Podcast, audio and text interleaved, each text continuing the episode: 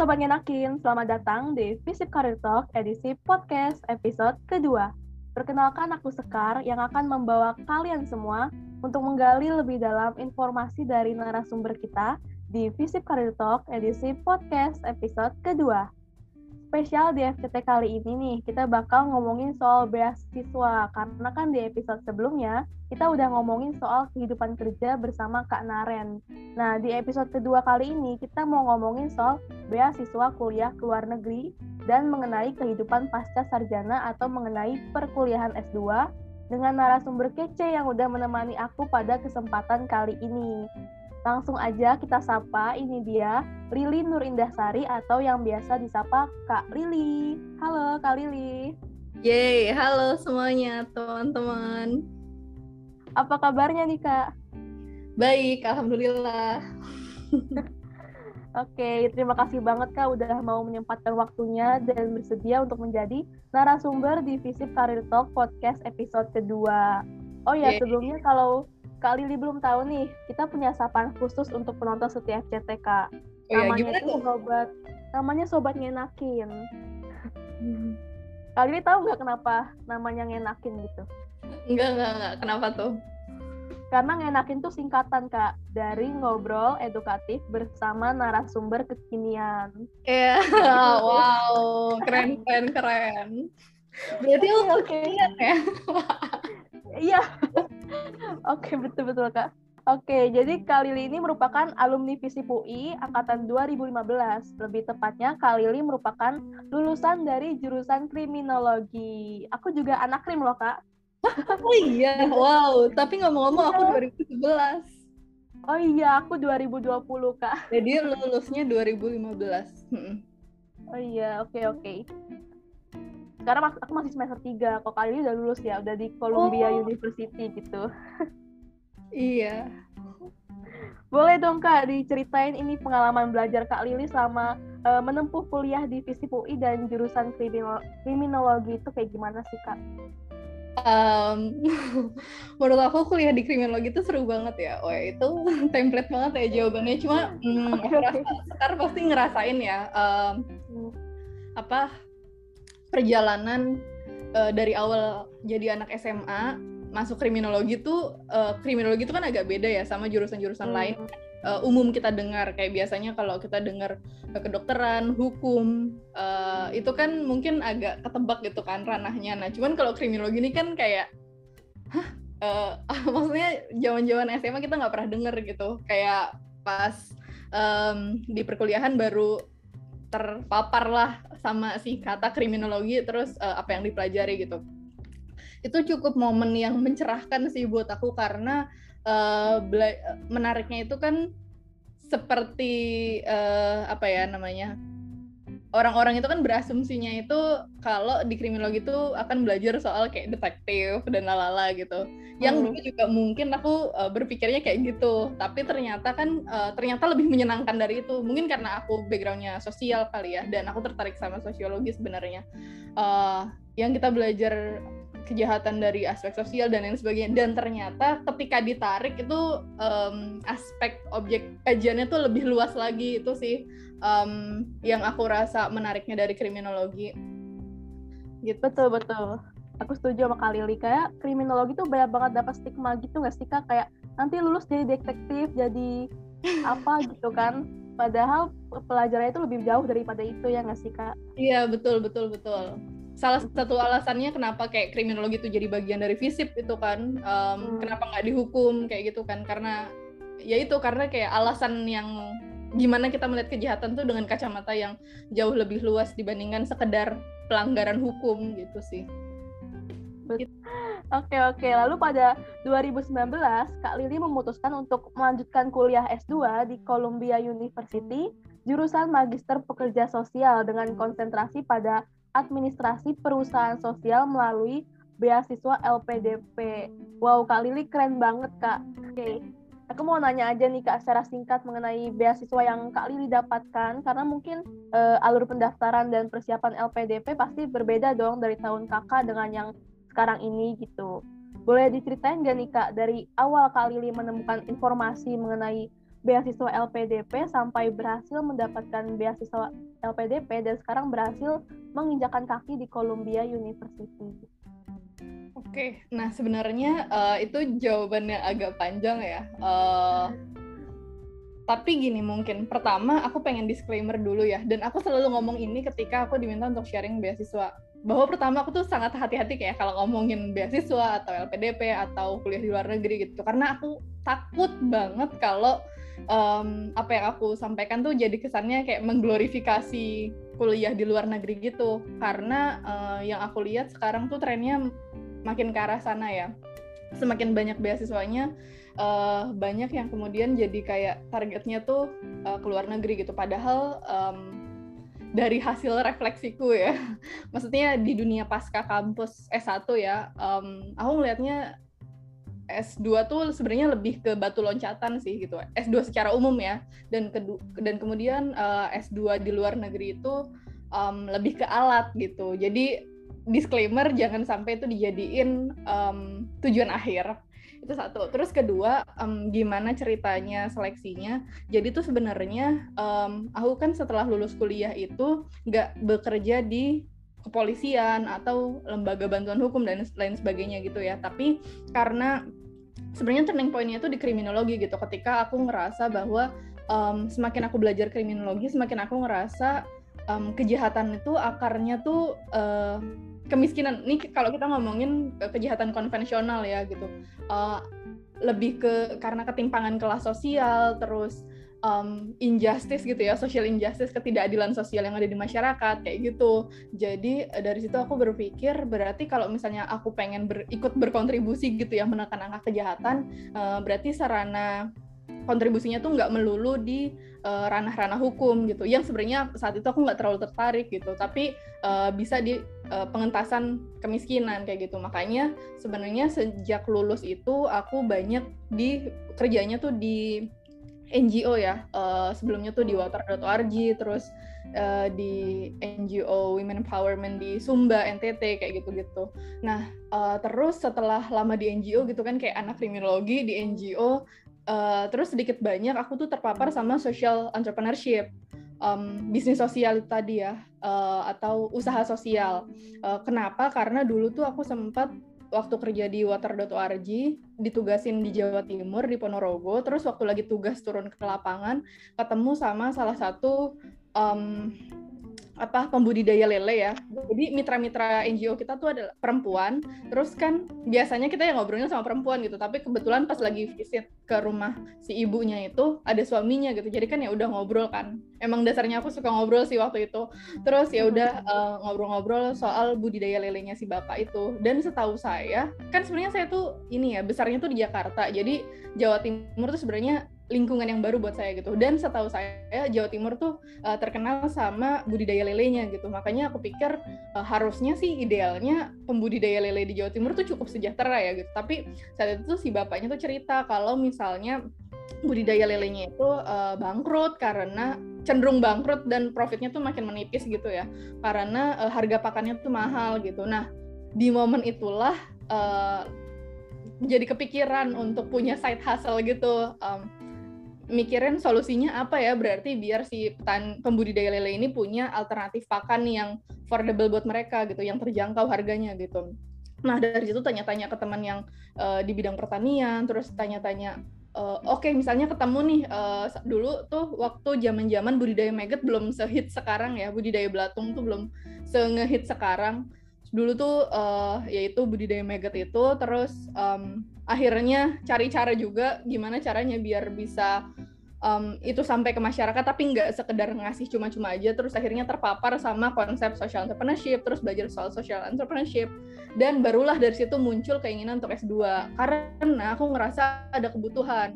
Uh, kebutuhan itu tadi aku yang backgroundnya kriminologi um, social science ya in general terus selama ini ranah kerjanya pun di uh, community development tapi terus uh, mulai tertarik untuk kayak si bisnis uh, sosial itu tadi gitu. Sementara aku nggak ada background bisnis, makanya mulai cari-carilah uh, apa kuliah S2 yang program S2 yang uh, bisa mengakomodasi kebutuhanku untuk belajar bisnis tapi tetap nggak ekonomi banget gitu atau nggak bisnis mindset banget gitu tapi tetap ada aspek sosialnya gitu. Nah dari situ deh mulai apply apply awalnya tuh nggak apply di LPDP langsung.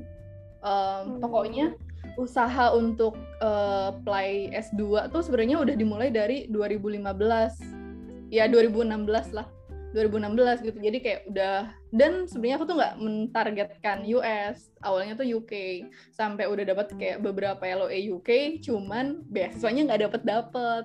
Baru deh terakhir pas kepentok um, IELTSku udah mau habis um, terus akhirnya nyoba uh, apply di uh, US uh, dan ternyata di saat itu LPDP pertama kali punya program PTUD namanya Perguruan Tinggi Utama Dunia di mana mereka yang udah punya LOA um, kampus-kampus yang masuk ke dalam list PTUD itu bisa um, daftar LPDP tanpa seleksi waktu itu aku skip seleksi uh, computer test deh kalau nggak salah. Jadi kayak nggak ada TPA nggak ada tes tes TPA atau tes komputer gitu. Jadi dari uh, administrasi langsung ke tahap interview gitu. Which is itu sebenarnya menguntungkan aku banget karena aku kan jelek yang ngitung-ngitung gitu. Nah dari situ baru deh um, keterima di LPDP uh, satu tahun kemudian berangkat.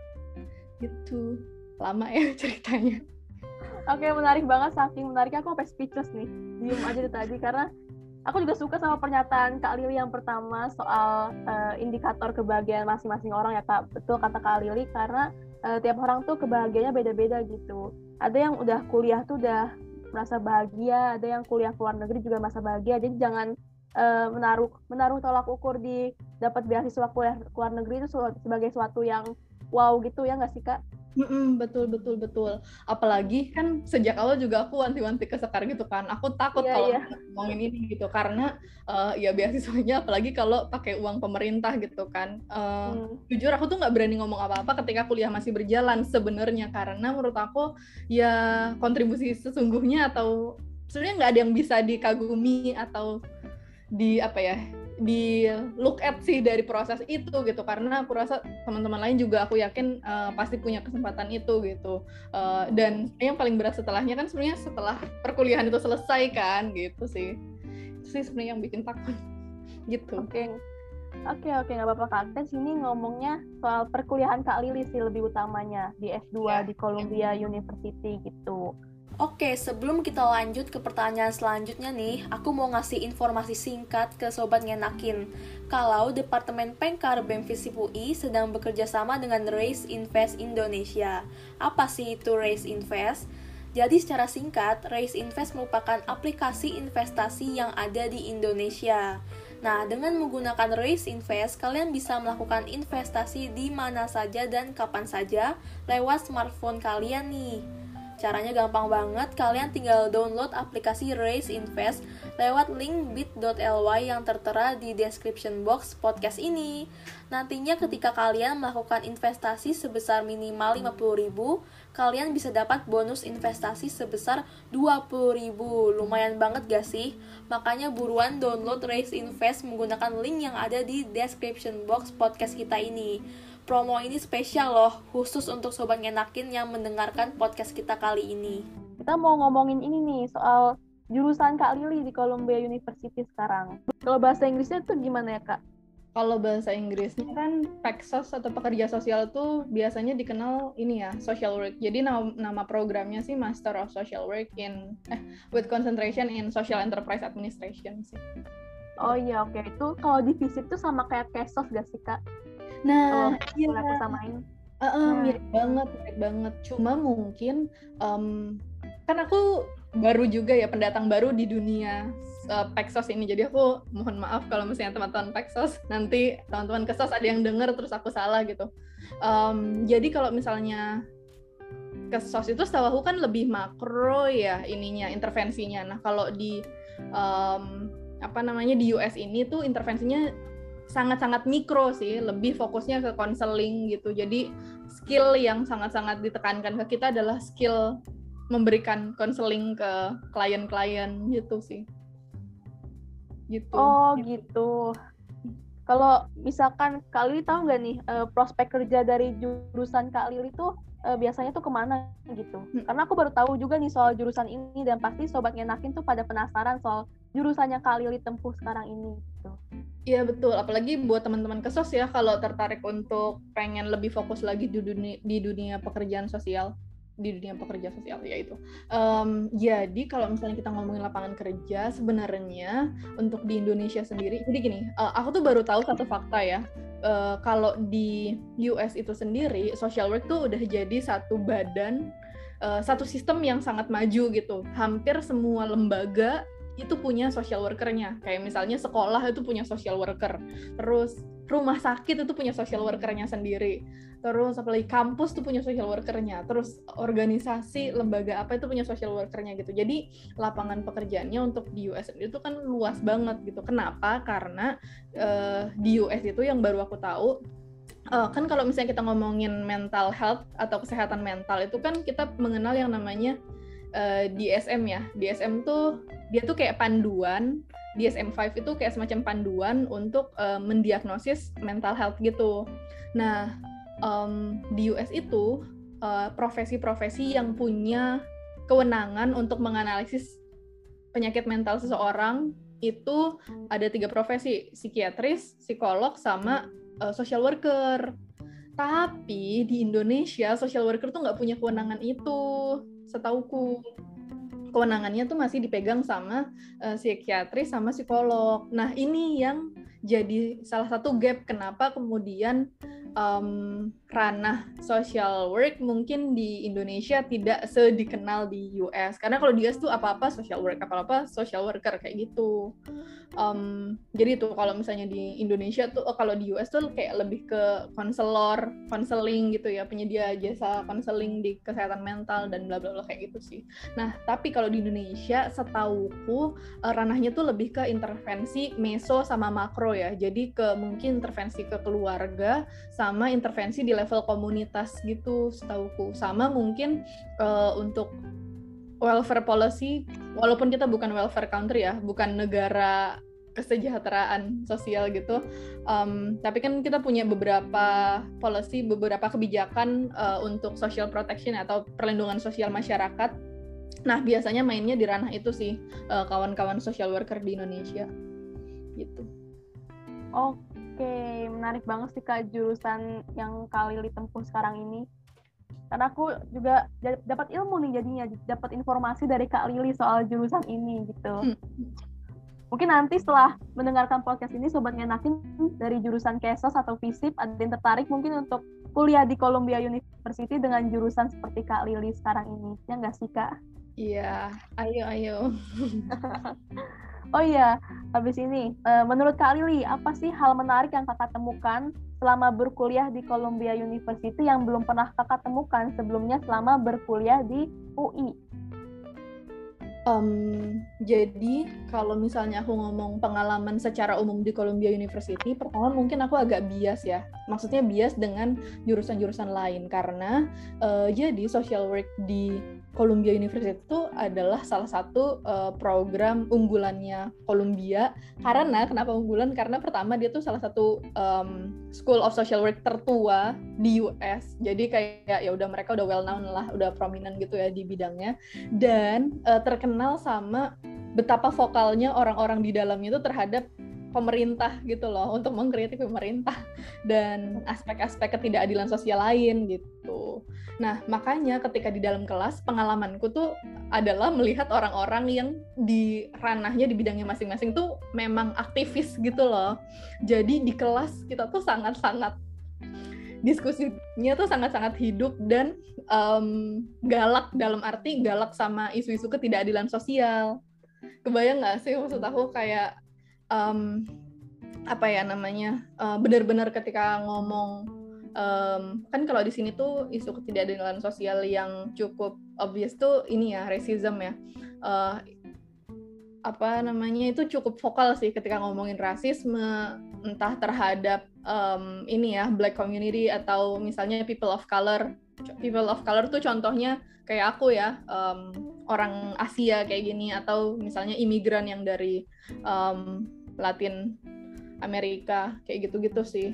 Uh, terus juga uh, oh ya dan pengalaman melihat betapa orang-orangnya sangat vokal terhadap isu keadilan ketidakadilan sosial itu kan pasti nggak didapat sama uh, teman-teman dari ini ya jurusan-jurusan sains misalnya atau teknologi um, apa iya yang berkaitan sama teknologi-teknologi kayak gitu gitu. Jadi sih jadi itu tadi sih yang aku bilang bisa jadi pengalamannya berbeda. Tapi kalau dari aku sih aku cukup kayak antara pusing sama semangat gitu. Pusingnya tuh kadang um, ya itu saking kita sangat um, apa ya namanya sangat memperjuangkan uh, aktivisme sosial kita sampai keributan di dalam kelas tuh hampir pasti terjadi gitu kalau terjadi diskusi gitu dan ributnya tuh bukan ribut-ribut ya udah sekedar debat di dalam kelas aja enggak. Tapi ya emang ada um, apa ada sikap yang berbeda gitu. Terus sampai berantem kayak gitu gitu sih.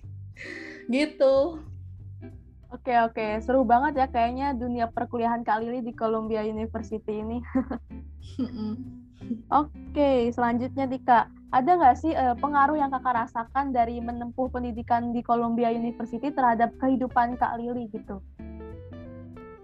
Hmm, ini karena sekarang posisinya aku masih kuliah, jadi belum ngerasa gimana-gimana gitu ya. Mungkin kalau misalnya pengen diikutin, maksudnya hawa nafsu um, aji mumpungnya tuh pengen diikutin emang ngerasa gini sih ketika orang dengar Kolombia wow Kolombia um, terus jadi ngerasa ayo sharing ini atau sharing itu gitu maksudnya jadi nama besar kampus tuh bener-bener uh, dianggap orang itu sejalan atau linier dengan kualitas diri seseorang gitu kualitas diri studentnya gitu. Which is menurut aku uh, aku jauh banget sih aku tidak merepresentasikan uh, kualitas dan nama besar kampusku gitu. Um, cuma ya itu sih uh, lagi-lagi nggak bisa dipungkiri juga karena memang kampusnya udah terlanjur punya nama besar um, dan alumni di Indonesia juga udah banyak ya uh, yang kemudian jadi orang penting di Indonesia juga lebih ke network sih. Um, apa namanya jaringan yang dipunya um, jadi cukup luas. Terus um, apa ya namanya ya cukup memudahkan gitu kalau misalnya kayak dalam waktu dekat ini kita oh ya di Columbia itu kan Indonesia itu punya Indonesian student tuh punya asosiasinya sendiri ya. Nah kayak kita pengen ngadain um, apa namanya buka donasi buat COVID. Nah itu tuh kayak jadi bisa banyak uh, apa namanya jaringan sama alumninya dan lain sebagainya gitu sih. Lebih ke network sih aku ngerasanya. Oke oke. Tadi Kak Lili sempat ngomong di awal kalau uh, nama baik nama kampus tuh jadi apa namanya kayak disamakan dengan sifat mahasiswanya gitu nggak sih kak? Sama kayak di UI kak sebenarnya kasusnya iya. gitu. Iya. Padahal kan kayak, kan kita sendiri ngerasa kayak belum apa-apa atau jauh dari kualitas itu gitu nggak sih? Iya iya kayak misalkan uh, lo anak UI ya gitu pasti bisa dong soal gini gini gini ya nggak sih kak? Nah, betul. Karena kan uh -uh. iya karena kampusnya udah dicap baik gitu loh kampus besar gitu lah istilahnya jadi dianggap kita jadi wow gitu gitu nggak sih kak Wow, betul. Nah, di situ menurut aku uh, ini sih apa namanya tergelincirnya kita tuh bisa di situ. Betul betul. Aku setuju banget sama Kak Lili. Mm-hmm. Oke, aku mau nanya nih kak sekarang. Pernah nggak sih kak mengalami kendala selama menyesuaikan diri selama berkuliah di luar negeri? Gitu? Um, banyak banget. Apalagi kan kemarin tuh enam bulan aku magang ya magang di um, social enterprise juga namanya Emma Storch um, jadi social enterprise-nya itu fokus memberdayakan imigran um, refugee pengungsi gitu ya. Karena kan US kan memang ini ya negara tujuan pengungsi dan imigran-imigran gitu. Dan uh, jadi maksudnya jadi banyak program-program sosial atau non profit atau social enterprise yang memang fokus target beneficiaries atau penerima programnya itu um, imigran sama refugee itu gitu. Nah, aku pikir kan oke okay, karena ranahnya sosial atau non profit, dulu kan aku juga bergerak di bidang itu gitu kan maksudnya di Indonesia gitu. Jadi aku pikir oke okay, iklim kerjanya akan sama gitu. Tapi ternyata um, mungkin dari size uh, dari size organisasinya tuh sama gitu kan kecil efektif efisien bekerjanya nah cuman dari ini sih budaya kerjanya yang aku cukup baru ngerasa waktu itu oh ini yang namanya culture shock gitu karena dulu tuh aku inget banget pertama kali aku ngantor ya ke ini kan aku magangin in person ya di Brooklyn dan aku tinggalnya di Manhattan. Um, itu tuh jadi tim program tuh ada tiga orang dan awal-awal itu kan aku masih malu-malu gitu kan. Terus um, apa? Aku bawa bekal karena waktu itu lagi winter jadi kan uh, saljuan gitu ya di luar nggak ada orang dagang pada tutup toko-tokonya gitu. Jadi aku bawa bekal. Nah, tapi bekalnya itu belum aku makan-makan. Karena kan aku pikir kalau misalnya di Indonesia biasanya kan kita kayak agak sungkan gitu ya kalau ngeduluin makan. Atau uh, biasanya nunggu jam jam apa jam istirahat. Atau biasanya juga nunggu diajak dulu gitu. Biasa lah ya orang Indonesia maunya diajak dulu makan gitu. Nah tapi waktu itu tuh aku nunggu diajak gue mau makan makan padahal aku tuh udah udah lapar banget gitu. Ternyata pas udah sekitar jam limaan gitu udah pulang baru kan uh, aku ngobrol sama teman satu timku. Aku tanya kamu emang udah makan hari ini? Terus dia bilang ternyata dia udah makan. Terus aku mikir kayak gini hah aku kan anak baru di sini nih hari pertama aku tapi masa aku nggak diajak makan bareng? Gitu aku mikirnya. Ternyata memang ya apa ya mungkin benar ya eh, orang-orang bilang bahwa kulturnya lebih individualis gitu. Jadi kayak walaupun kita anak baru ya jangan harap akan disayang-sayang gitu tuh kayak eh kamu anak baru uh, ayo makan bareng atau apa gitu sih. Aku rasanya memang habit kolektif um, hidup secara kolektif uh, makan bareng-bareng atau istirahat bareng-bareng tuh nggak ada sih. Jadi kayak waktu itu benar-benar ya kalau makan ya udah makan aja sendiri, kalau enggak ya udah lanjut kerja sendiri ya udah selebihnya ya sendiri kayak gitu sih. Itu sih yang bikin. Oke okay, oke. Okay. menarik banget kali Lih. Kayak apa perbedaan kultur yang berbeda gitu ya antara Indonesia dengan di sana gitu ya enggak sih kak? Iya uh, beda kultur hmm. kerja padahal sama-sama bidangnya kan non profit betul betul Nah, kali ini aku mau minta ini nih, Kak. Aku mau minta tips dan trik dari Kak Lili untuk sobat ngenakin yang ingin melanjutkan kuliah ke luar negeri dan dengan beasiswa seperti Kak Lili sekarang ini. Oke, um, tips dari aku ya. Jadi itu pertama, uh, lagi-lagi aku ingin menekankan bahwa kuliah S2 itu kan bukan muara ya atau bukan tujuan hmm. akhir gitu. Tapi dia tuh sebenarnya cuma sekedar alat dan ya mungkin uh, kasarnya batu loncatan lah gitu. Alat yang kita pakai untuk mencapai tujuan kita jangka panjang sesungguhnya gitu. Jadi menurut aku um, ini kayak setelah lulus tuh usahakan jangan kayak oke okay, setelah lulus mau ngapain oh mau S2 uh, eh, jangan kayak gitu gitu tapi lebih ke oke okay, kamu jangka panjangnya pengen jadi apa gitu kayak kalau aku kan sebenarnya pengen ini ya kan soal-soal mengabdi di desa gitu ya terus jadi social entrepreneur di desa gitu-gitu kan. Um, ya gitulah sosok idealis gitu gitu. Dan ya sepanjang jalan ketika merasa ada kebutuhan untuk upgrade diri belajar lagi karena uh, yaitu tadi backgroundnya dari sosial uh, terus yang ranah yang ingin digeluti bisnis jadi kan ada gap ilmunya terus kayak ya ngerasa butuh ilmunya baru kemudian itu gitu. Nah uh, begitu juga mungkin buat teman-teman walaupun sebenarnya jernih orang-orang untuk S2 tuh beda-beda ya tapi aku sangat menyarankan untuk tidak menjadikan itu uh, muara sih gitu. Tapi uh, cari dulu uh, goal jangka panjangnya tuh apa gitu. Baru kemudian jadikan uh, S2 hanya sebagai batu loncatan atau tools untuk mencapai tujuan tersebut karena kalau misalnya uh, eh, S2 ini udah dijadikan muara gitu ya atau tujuan akhir kayak kita fokus um, melakukan segalanya demi dapat S2 sampai ikut mentoring yang berbayar dan lain sebagainya gitu ya. Nah, nanti mungkin kita akan bisa dapat ya tujuan kita. Tapi ya itu setelah S2-nya selesai, kita jadi bingung gitu loh mau ngapain. Um, jadi gagap dengan kehidupan sesungguhnya yang kita hadapi gitu. Nanti yang ada malah ah mau ngapain ya? Nggak tahu. Yaudah es, es, uh, apa sekolah lagi deh S3 kayak gitu-gitu. Jadi lingkarannya nggak selesai padahal kita juga nggak ngerti apa yang kita cari gitu. Jadi menurut aku tuntaskan dulu um, kita harus selesai dulu nih dengan apa yang jadi mimpi dan cita-cita kita sesungguhnya gitu baru kemudian uh, ke S2 itu. Terus um, satu lagi. Jadi menurut aku um, ketika kita apply ke kampus S2 itu kan ribet ya apply-nya. Um, perjalanannya panjang banget lah karena aku sendiri nyiapinnya tuh lima tahun gitu dari mulai IELTS-nya sampai bikin aplikasinya. Esai-esainya tuh ada banyak banget tuh. Dan bikin esai itu kan sebenarnya bukan soal teknis ya bukan soal oh strukturnya yang benar oh closingnya yang benar oh body paragraphnya yang benar bukan soal itu gitu karena itu ya itu second third fourth fifth point lah gitu bukan poin yang utama gitu. Karena poin yang utama tuh adalah apa yang mau diceritain atau apa yang mau ditulis gitu. Jadi menurut aku uh, selama kita masih kuliah S1 atau bahkan nanti setelah lulus S1 fokus ke bangun cerita tentang diri kita.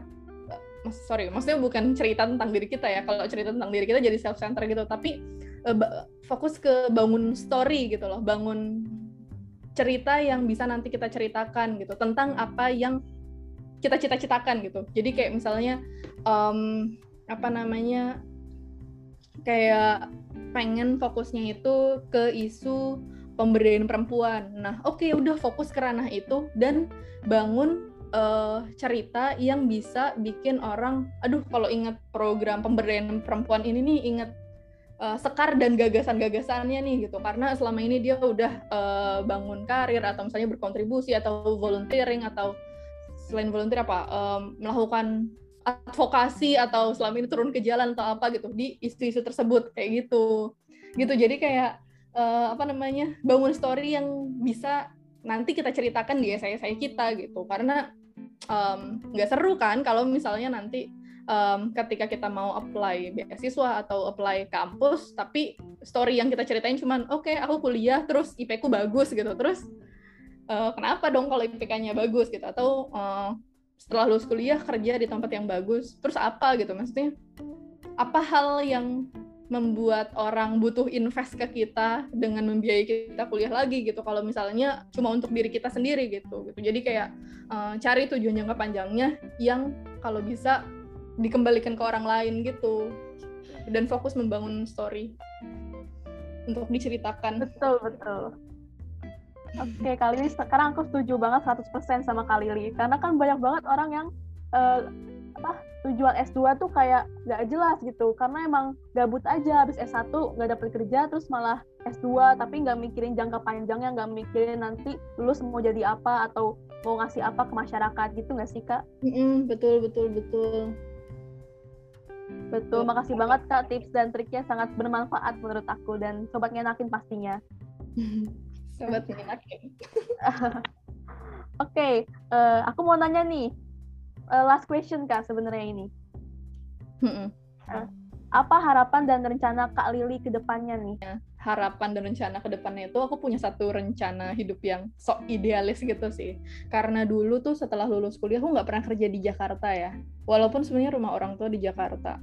Um, jadi dan itu sebenarnya pertama kali aku terekspos dengan kehidupan di luar di luar Jakarta ya. Karena kan sebenarnya walaupun aku uh, bukan pure orang Jakarta tapi kan tumbuh besar dari TK sampai kuliah tuh di Jakarta gitu. Jadi aku tahu Indonesia tuh Jakarta gitu. Tapi setelah kuliah setelah lulus kuliah tuh kerja di uh, eh, NGO dan tugasnya tuh selalu di um, pelosok-pelosok pedesaan jadi mikir bahwa Indonesia yang selama ini aku tangkap di kepala aku atau di imajinasiku tuh hanya sebagian kecil gitu loh sebagian kecil um, apa namanya uh, kehidupan di Indonesia yang sebenarnya nggak representatif gitu. Karena ya itu tadi dengan segala privilege-nya sebagai orang Jakarta ya walaupun mungkin aku bukan berasal dari keluarga yang um, well off juga ya uh, atau bukan berasal dari keluarga yang berada tapi uh, adalah privilege sebagai orang Jakarta yang mau dapat bantuan sosial. Misalnya mudah akses ke bantuan pendidikan tuh mudah akses ke bantuan apa pun tuh mudah gitu. Tapi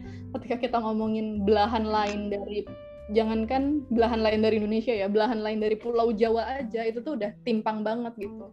Dan dulu tuh aku selalu berpikir waduh kalau misalnya orang pinter semua ngumpulnya di Jakarta habis dong Indonesia ini gitu. Maksudnya jadi desa tuh bener-bener sisa jadi uh, tempat meromantisasi kemiskinan aja ngerti nggak? Jadi kayak orang penat uh, orang butuh liburan perginya ke desa gitu. Tapi sebenarnya mereka nggak bener-bener mau menghadapi realita kehidupan di desa gitu. Jadi kayak cuma dapat romantisasinya orang kelas menengah ibu kota aja gitu. Dan kayak aku ngerasa berdosa sih kalau misalnya uh, kayak gitu gitu. Jadi uh, selalu yang ada di kepala aku tuh adalah pengen balik ke desa gitu ke kampung orang tua aku gitu. Karena kan sebenarnya orang tuaku uh, saudara-saudaranya petani ya, gitu.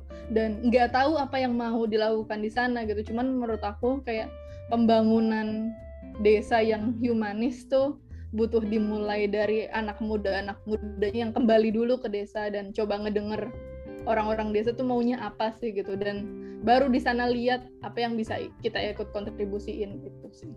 Itu sih kalau ditanya cita-cita tujuan harapan. Oke uh, cita-cita yang mulia ya kak dari kak Lili ini. Kesannya Karena, ya uh, walaupun tahu deh. Semoga tercapai sih kak nanti ke depannya ya. Amin. Oke oke uh, dari tadi kan kita udah uh, membahas seputar beasiswa dan perkuliahan S2 nih sama Kak Lili. Nah, sekarang kita mau masuk ke sesi games nih, Kak. Nama games itu Yay Games. Nama games itu fakta atau mitos. Jadi nanti uh, aku kasih dua pernyataan ke Kak Lili.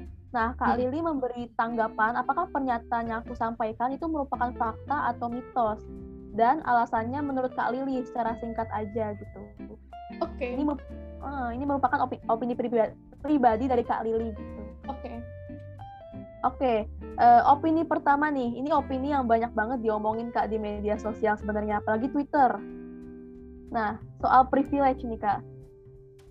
Mm-hmm. Jadi uh, banyak banget opini yang beredar di media sosial kalau kuliah ke luar negeri itu hanya untuk orang-orang yang mempunyai privilege gitu. Nah, menurut Kak Lili, ini fakta atau mitos nih? Aduh, jadi gini ya, sebagai anak sosial nah. dan sebagai SJW, aku pengen bilangnya tuh um, itu fakta sih. Aku nggak okay, okay. mau sosok kayak enggak semua orang bisa kok kuliah di luar gitu, tapi kayak aku pengen ya jujur aja gitu ya bahwa biaya kuliah ke luar negeri, wala biaya persiapannya ya, walaupun nanti tuh ada beasiswanya, itu tuh tetap mahal kayak IELTS-nya mahal. Belum lagi kalau nanti IELTS-nya tuh nggak langsung hit uh, skor yang kita inginkan di sekali tes kayak gitu ya. Um, ya paling nggak kan mereka yang bisa mempersiapkan sampai akhirnya berangkat. Itu kan mereka yang punya modal ya. Um, artinya kalau punya artinya kalau punya kesempatan untuk ngumpulin modal untuk nabung berarti kan dia punya gaji gitu. Berarti kan dia udah selesai sama kebutuhan dasarnya gitu. Um, jadi ya itu sih. Walaupun um, makanya aku selalu ngerasa bahwa pentingnya affirmative um, action ya dari government biar um, teman-teman yang less privilege juga punya kesempatan untuk mendapatkan itu dan sebenarnya LPDP udah mulai itu ya karena kan kita punya beberapa jalur afirmasi juga. Gitu sih. Oke okay, oke. Okay. makasih Kak Lilina. Opini kedua nih uh, mengenai perkuliahan S2 gitu. Banyak orang yang bilang bahwa uh, dunia perkuliahan S2 itu sangat jauh berbeda dengan perkuliahan di S1 gitu. Nah menurut Kak Lili ini fakta atau mitos nih perkuliahan S2 beda dengan S1. Um, Sebenarnya pertama tergantung di mana dulu kali ya kuliahnya karena kan kayak beda style belajar itu mempengaruhi juga ya. Terus kalau kedua um, kayak mungkin budaya negara tuh mempengaruhi juga kali ya. Jadi mungkin itu fakta ya. Uh, gimana ya? Aku bingung jawabnya apa. Uh, ya sih fakta fakta fakta. Fakta karena ya itu sih kalau misalnya S2 itu tuntutannya tuh lebih ke uh, untuk lebih mandiri gitu kan. Nggak lagi kayak di S1 walaupun di S1 juga sebenarnya kita dituntut untuk mandiri. Cuman kan kayak masih dibantu ini loh bahan bacaannya jangan lupa dibaca ya gitu. Nah kalau di S2 yang selama ini aku alami jadi dosen datang tuh bukan buat uh, dosen datang ke kelas tuh bukan buat ngejelasin lagi secara ulang materinya, tapi lebih ke oke okay, uh, eh, kalian udah baca materinya, apa yang mau ditanyakan gitu. Karena dan kalau misalnya kita belum baca kan kita nggak berarti nggak bisa nanya kan. Kalau misalnya kita nggak bisa nanya, ya sayang dong kita kehilangan untuk kehilangan momen untuk belajar di sana. Itu satu dan kedua uh, kadang itu kan bukan kadang sih kalau misalnya di programku sendiri lagi-lagi ini berbeda ya mungkin dengan program-program di program lain di kampus lain dan bahkan di negara lain gitu. Nah kalau di programku sendiri itu kan um, apa ya kita tuh sebagian besar bentuk belajarnya tuh dengan diskusi gitu. Jadi kalau misalnya lagi-lagi kalau misalnya nggak mandiri dengan baca bahan itu kemungkinan besar kita nggak bisa ngambil ini di diskusinya. Jadi ya itu fakta okay. nah itu games terakhir kak cuma dua games aja ini tapi makasih banget kak atas uh, opininya dari kak Lili yang sangat-sangat menarik gitu kan Nah, terakhir nih, terakhir banget. Aku mau denger dong, Kak, uh, closing statement dari Kak Lili untuk Sobat Ngenakin. Semua yang udah setia mendengarkan podcast kita sampai akhir nih.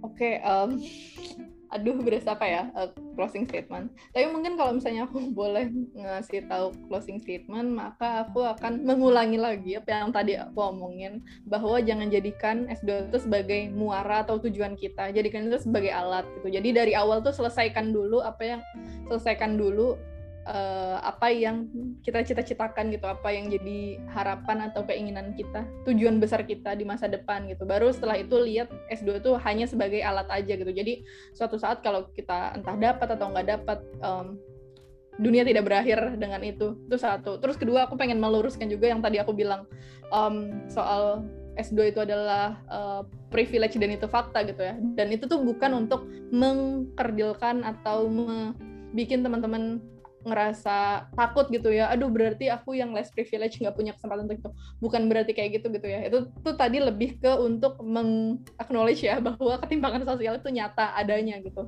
Nah um, uh, apa namanya tadi ya uh, kesempatan uh, untuk S2 tuh sebenarnya dimiliki oleh semua orang. Uh, tapi ya itu um, aku sebenarnya sebel untuk ngomong ayolah bekerja keras tapi um, apa namanya yang nggak bisa dipungkiri juga ya bahwa selain privilege itu tadi tapi hard work kan juga memang dibutuhkan gitu kan. Jadi kayak ya walaupun kesannya um, itu untuk itu sangat uh, membutuhkan privilege ya untuk mencapai ke arah sana tapi selalu ada jalan selalu ada kesempatan untuk orang-orang yang mau berjuang gitu sih menurut aku. Itu oke okay, Kak Lili Terima kasih banget Kak, sangat-sangat menarik closing statement dari Kak Lili untuk Sobat Nyenakin semua ini. Gak kerasa Kak, kita udah di uh, ujung podcast kali ini nih. Ujung podcast apa tuh maksudnya? Pokoknya kita udah di akhir nih Kak. Aku mau ngucapin terima kasih. Uh, terima kasih banget untuk Kak Lili yang sudah meluangkan waktunya untuk ngobrol-ngobrol santai bersama aku di podcast kali ini Kak. Banyak okay. banget informasi yang sudah aku dapatkan uh, dari tadi awal kita ngomongin soal uh, perkuliahan Kak Lili di Fisip UI dan jurusan kriminologi, ngomongin beasiswa LPDP secara singkat, dan juga perkuliahan S2 Kak Lili di Columbia University yang tadi Kak Lili memaparkannya tuh secara uh, ini Kak, apa, aku jadi aku jadi terbayang gitu loh kuliah di sana. Aku jadi seolah-olah tuh ikut kuliah di sana bareng Kak Lili gitu. Dari yang apa kayak Kak Lili ceritakan, karena sangat-sangat menarik dan juga uh, tips dan trik dari Kak Lili yang Eh, sangat-sangat uh, informatif bagi uh, sobat enakin semua dan aku yakin uh, sobat enakin semua pasti uh, pasti mendapatkan manfaatnya dari podcast kita kali ini kak. Yeay, terima kasih Sekar sudah melibatkan aku di dalam podcast ini.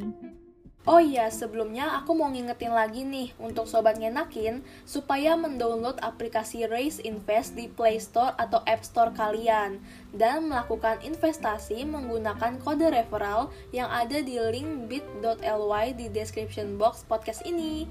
Nantinya akan ada promo yang kalian dapatkan jika mendownload dan melakukan investasi di Raise Invest menggunakan kode referral dari kita. Oke, sukses sukses untuk kali ini ke depannya. Uh, semoga segala harapannya yang tadi sudah uh, disebut dapat tercapai ya Kak. Dan yang pasti, semoga lancar-lancar terus kuliahnya selama di Columbia University Kak. Amin, terima kasih.